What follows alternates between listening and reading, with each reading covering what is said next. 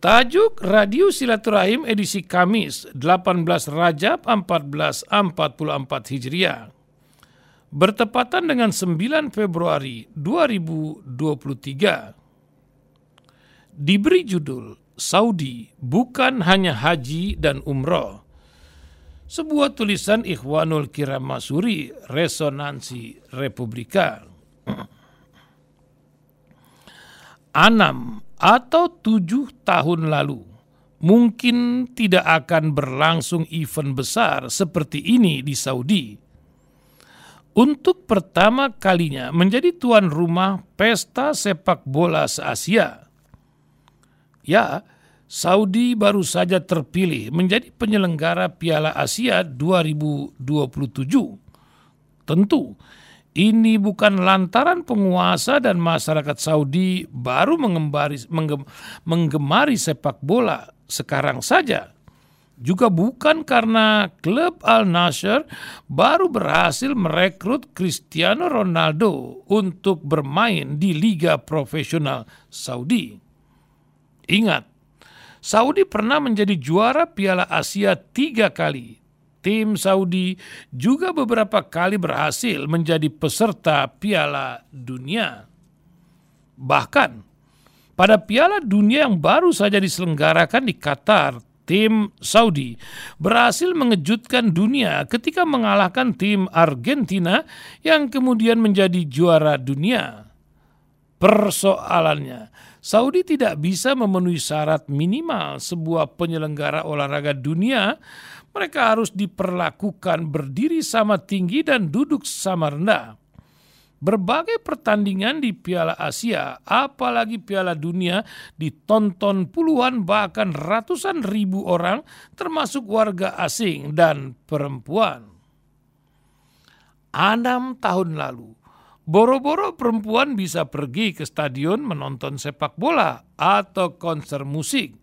Tempat mereka hanya di rumah melayani suami dan mendidik anak, belanja ke pasar atau membeli keperluan dapur pun dilakukan laki-laki.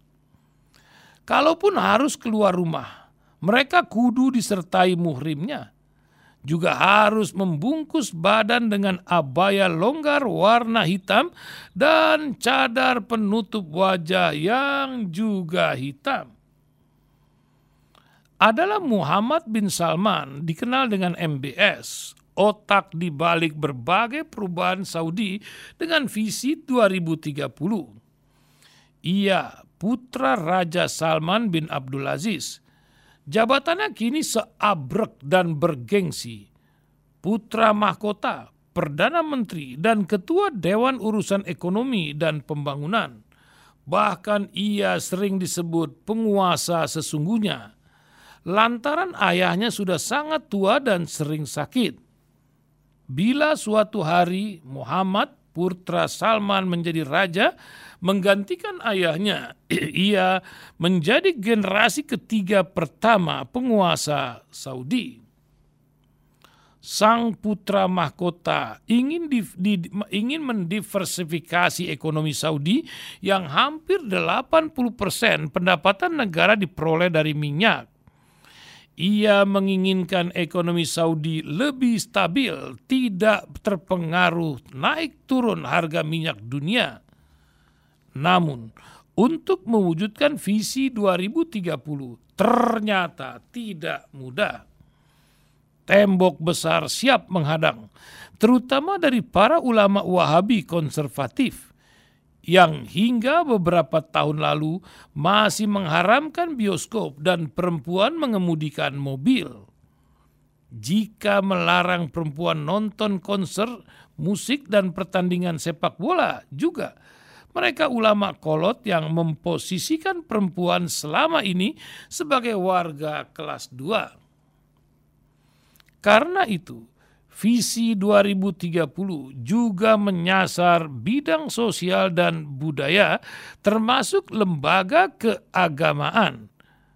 Kewenangan besar polisi syariah yang disebut-sebut hay, hayatu al-amr bil al-ma'ruf wa annahu wa wal munkar pun mereka pangkas. Begitu pula lembaga keagamaan tertinggi di Saudi yang bernama Hayhatu Kibarul Ulama. Di lembaga beranggotakan 21 orang ini, mereka masukkan ulama-ulama baru yang telah bermoderat. Menggantikan yang beraliran keras, ulama-ulama wabah wahabi garis keras alias konservatif mereka tepikan. Bahkan mereka juga menulis ulang sejarah Saudi dengan mengecilkan para, peran para pengikut wahabi dalam mendirikan kerajaan. Maka kini perempuan Saudi bisa bebas bersuka cita ria menonton bioskop konser musik, dan datang ke lapangan menyaksikan pertandingan sepak bola. Juga bebas menyetir mobil dan nyatanya berpengaruh terhadap ekonomi. Selama ini, pengharaman bagi perempuan mengemudikan mobil telah memaksa keluarga-keluarga Saudi menggaji para supir asing, baik untuk antar jemput anak sekolah maupun anggota keluarga perempuan lainnya dengan perempuan boleh menyetir, maka devisa negara tidak lari ke luar negeri. Begitu pula dengan warga Saudi yang dulunya menikmati bioskop serta tempat hiburan lainnya di luar negeri.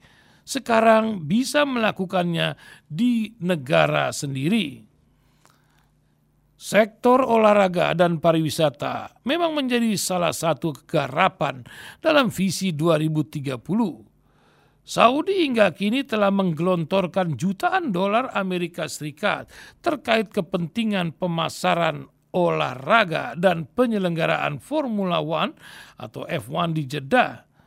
Terpilihnya Saudi sebagai penyelenggara Piala Asia 2027 menambah panjang daftar portofolio Saudi sebagai tuan rumah pesta olahraga. Negara ini sebelumnya menema, men, sebelumnya memenangkan hak untuk menjadi tuan rumah Piala Asia Perempuan di 2026 mendatang. Asian Games 2034 bahkan Olimpiade musim dingin di 2029 yang akan dilakukan di salju artifisial. Di bidang pariwisata, Saudi terus membangun infrastruktur haji dan umroh serta memberi kemudahan visa dan dokumen lainnya. Sesuai visi 2030, Saudi terus memacu untuk bisa menerima 30 juta jamaah umroh dan 10 juta jamaah haji setiap tahunnya. Ini pun tidak cukup. Putra mahkota menginginkan Saudi bukan hanya Mekah dan Madinah. Saudi bukan hanya haji dan umroh Reformasi yang dilakukan MBS bukan berarti sepi kritikan, terutama dari lembaga dan aktivis HAM internasional. Mereka mengkritisi sikap keras penguasa terhadap sejumlah ulama garis keras dan aktivis kemanusiaan. Mereka kini masih mendekam dalam penjara tanpa proses pengadilan. Kritik juga datang dari sebagian umat Islam mereka menyatakan Mekah dan Madinah, Masjidil Haram dan Masjid Nabawi kini tidak sakral lagi. Ketika dua tempat suci itu dijadikan target pendapatan pariwisata, apa apa pun menurut The Financial Times, langkah Muhammad bin Salman selalu kontroversial termasuk ketika ia membolehkan masyarakat merayakan Natal dan Tahun Baru Masehi serta perayaan Halloween beberapa waktu lalu. Wallahu a'lam bissawab.